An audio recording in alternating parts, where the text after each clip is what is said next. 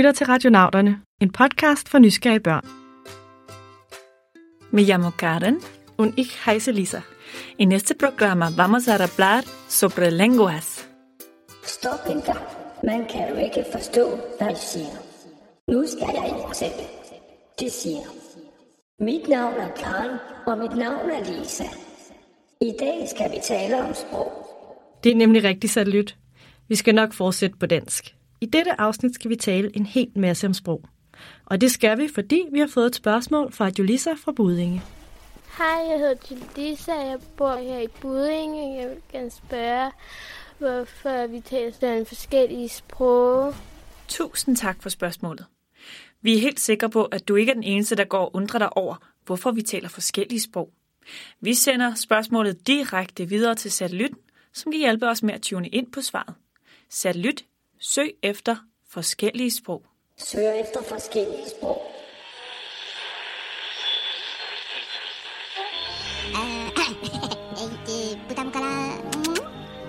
No, no. Jeg taler syv sprog, så kan jeg også alt muligt mærkeligt på alle mulige sprog. And it's very, very fun. Clask your law, clask your slow, like a hop, like a run, and it's very fun. Glem the trouble.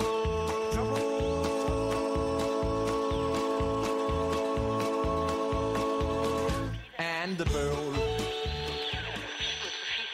Det, der sker, er, at i tidens løb begynder sprog at forandre sig ganske, ganske langsomt.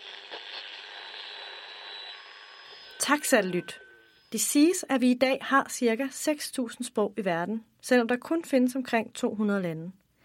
Det er altså rigtig mange sprog. Men hvordan kan det være, at mennesker taler så mange forskellige sprog? Vi har spurgt vores lyttere, hvorfor de tror, at vi taler forskellige sprog. Jeg tror, det er lidt fordi, så alle i ens land ikke bliver forvirret. Fordi vi er jo forskellige lande. Som her i Danmark taler vi dansk, og så i Tyskland, der taler de jo også et andet sprog.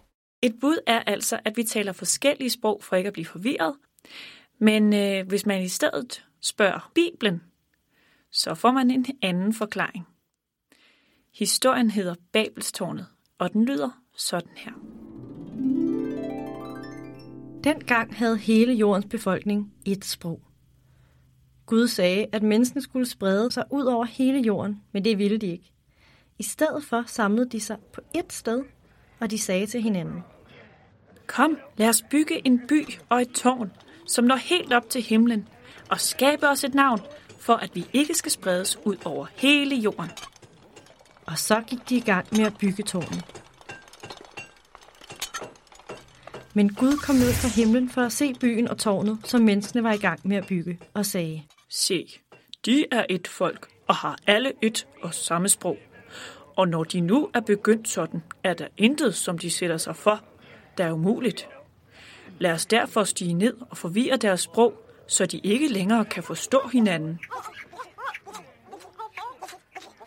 Folket blev så forvirret, at de opgav at bygge byen ved tårnet. Babel betyder forvirring, og derfor kaldte man byen med tårnet for Babel, for der forvirrede Gud deres sprog, og derfra spredte mennesket sig ud over hele jorden. Historien her kaldes i dag for Babelstårnet, og det er den bibelske forklaring på, at vi taler så mange forskellige sprog. Og selvom det er en rigtig god historie, så er det altså ikke en, som alle tror på. Vi har besøgt en sprogforsker på Københavns Universitet. Hun hedder Birgit Rasmussen. På hylderne i Birgits kontor står der nogle meget, meget gamle bøger. Birgit studerer sprog og hvordan sprog udvikler sig. Og vi spurgte hende, hvordan det kan være, at vi alle taler forskellige sprog. Er det på grund af Babelstårnet? Det er sådan den bibelske historie. Men jeg må indrømme, den tror jeg ikke så meget på. Egentlig skulle man jo tro, at alle folk talte samme sprog. Hvorfor gjorde de ikke det? Det, der sker, er, at i tidens løb begynder sprog at forandre sig ganske, ganske langsomt. Og måske lægger man næsten ikke mærke til det. Men når der er gået lang tid, så har sprogene, eller sproget, forandret sig så meget, at man nærmest ikke kan forstå hinanden.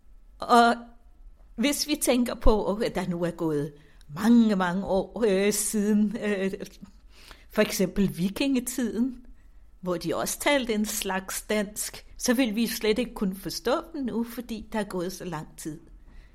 Men det er trods alt et sprog, der har udviklet sig. Hvorfor så forskellige? Det er nok noget med, at i tidens løb har folk tit vandret.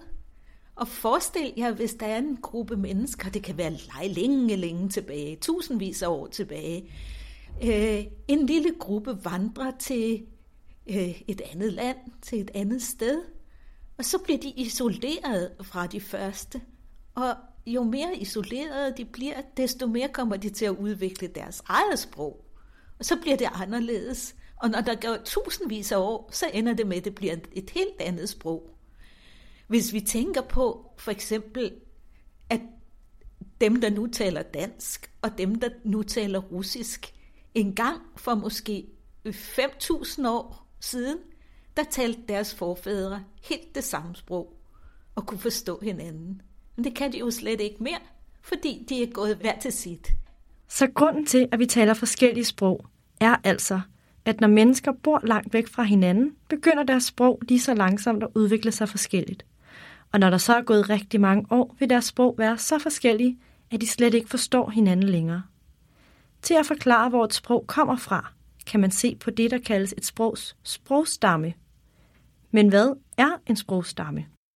En sprogstamme er en forgrening af sprog. Hvis vi siger, der har engang været et sprog, vi kunne kalde indoeuropæisk. Ud fra det kommer der de der vandringer og de forgreninger. En af dem bliver til de germanske sprog. Det er dansk og engelsk og tysk og hollandsk og svensk og norsk og islandsk og sådan noget. Og derudfra, så splitter sprogene sig op igen, alt efter hvor de går hen. Det er hele tiden et spørgsmål om at splitte sig og splitte sig. Så engelsk og tysk er nærmere beslægtet med hinanden, end de er med dansk. Og dansk og svensk er igen nærmere beslægtet. Og nærmere beslægtet betyder, sådan groft sagt, de har haft samme mor engang. Okay, så sprog er lidt ligesom en familie, vel? Hvor man måske har den samme mor og far, ligesom man har med sine søskende. Og så har man måske de samme bedsteforældre, som man har med sine fædre og kusiner. Ja, så man kan jo på en måde sige, at dansk og svensk er søstre, og dansk og tysk er kusiner. Det er lidt ligesom, når man tegner et stamtræ over sin familie. Det er rigtigt. Der kan man også finde frem til sine rødder, og finde ud af, hvem der startede ens familie. Ligesom man kan gøre for et sprog, og så finde ud af, hvor sproget startede. Hvis du, ligesom Judisa, går rundt og undrer dig over noget, om det er raketvidenskab, Disney-film, farverige fisk eller tidsmaskiner, så vil jeg rigtig gerne høre fra dig. Radionauterne er altid klar til en ny mission. Du kan enten selv optage dit spørgsmål og sende det til os, eller du kan få en voksen til at hjælpe dig. Mailen hedder spørg I kan se på radionauterne.dk, hvordan I gør.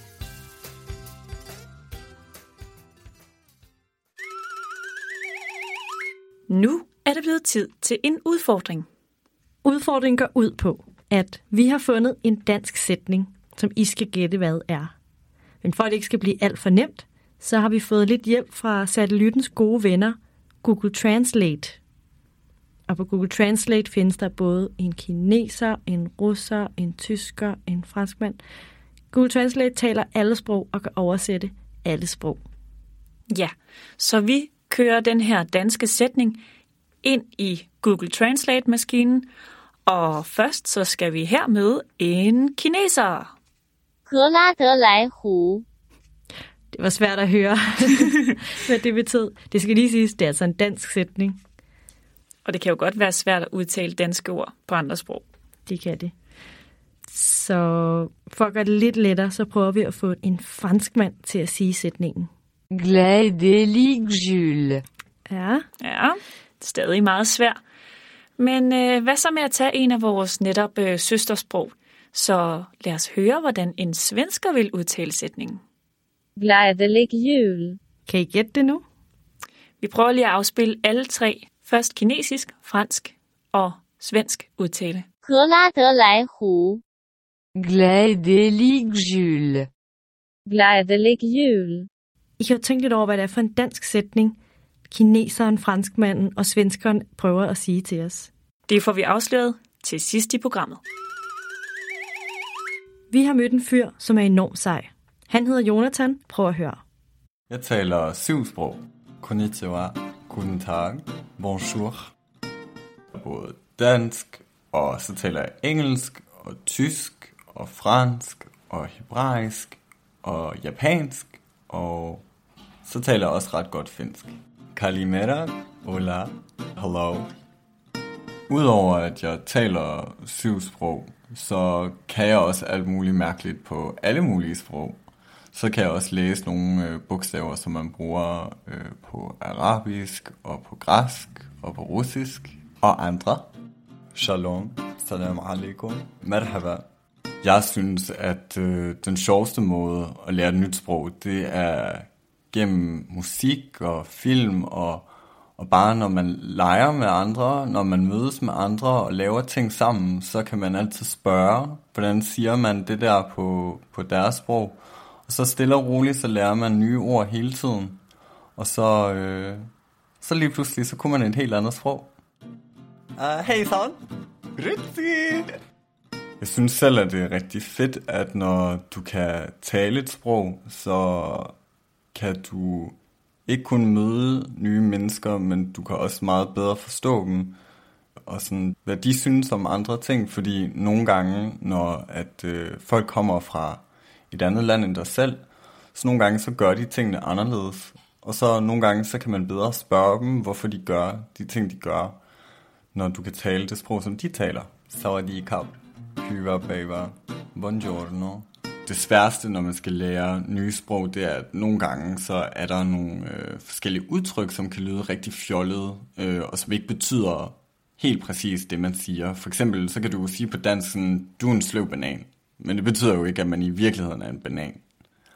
Og på andre sprog, for eksempel på fransk, så kan man sige øh, les carottes sont cuites, som faktisk direkte betyder, at øh, gulerødderne er kogte.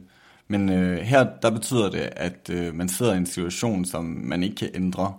Så det kan godt være lidt svært i begyndelsen, øh, fordi at det bare lyder fjollet. Men så lærer man, hvad det rigtigt betyder. Øj, ej, jeg bliver helt misundelig. Jeg vil ønske, at jeg kunne så mange sprog. Det er jo totalt sejt.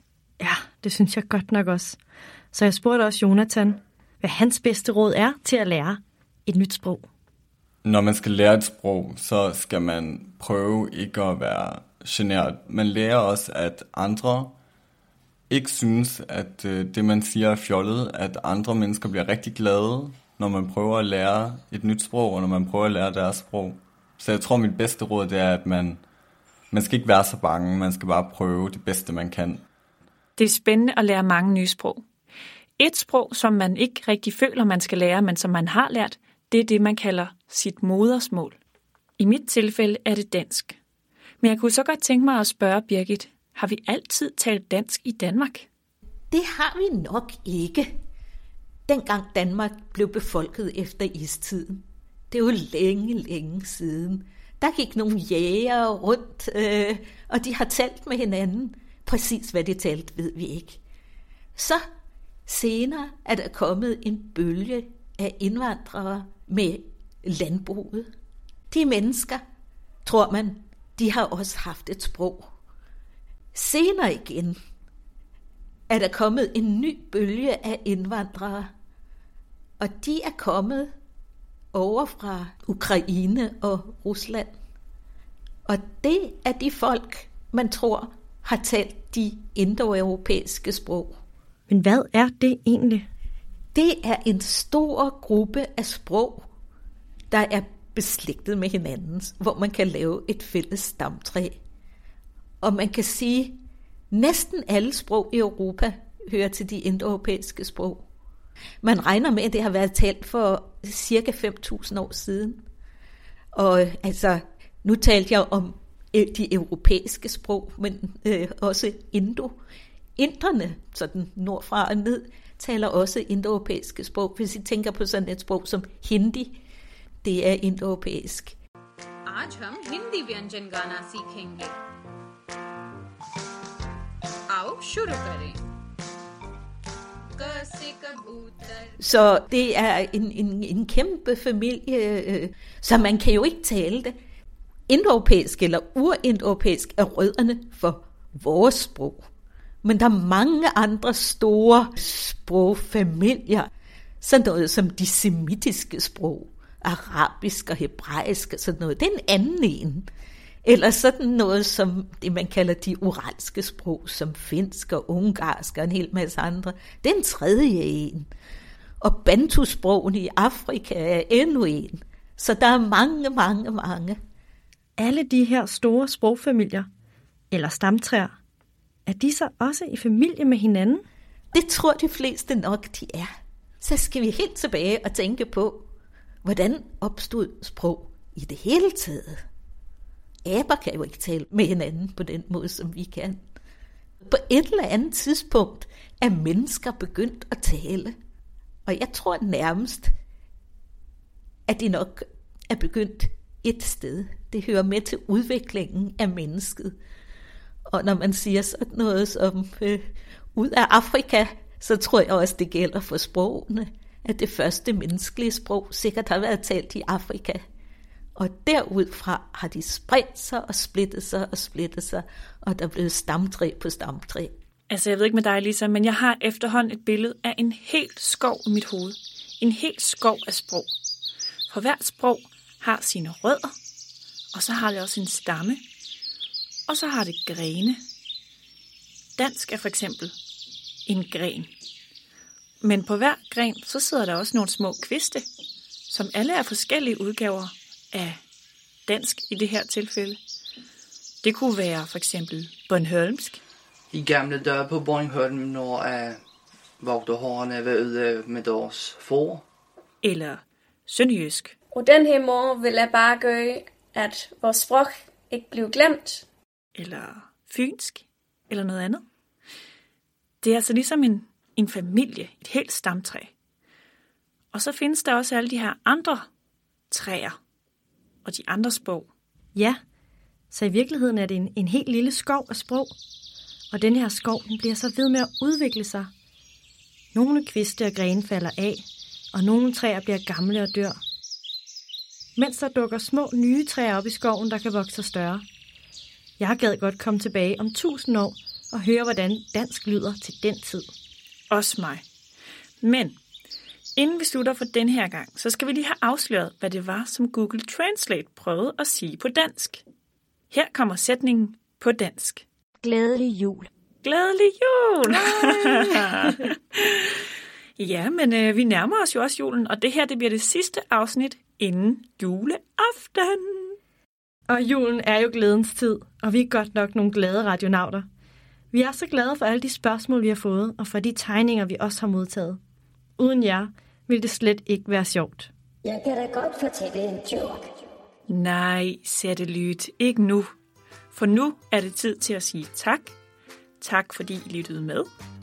Og så her til aller, aller sidst, så vil vi også gerne lige stille jer et spørgsmål, som vi faktisk overhovedet ikke kender svaret på. Men det kan være, at en af jer har et bud. Hvilket sprog taler julemanden?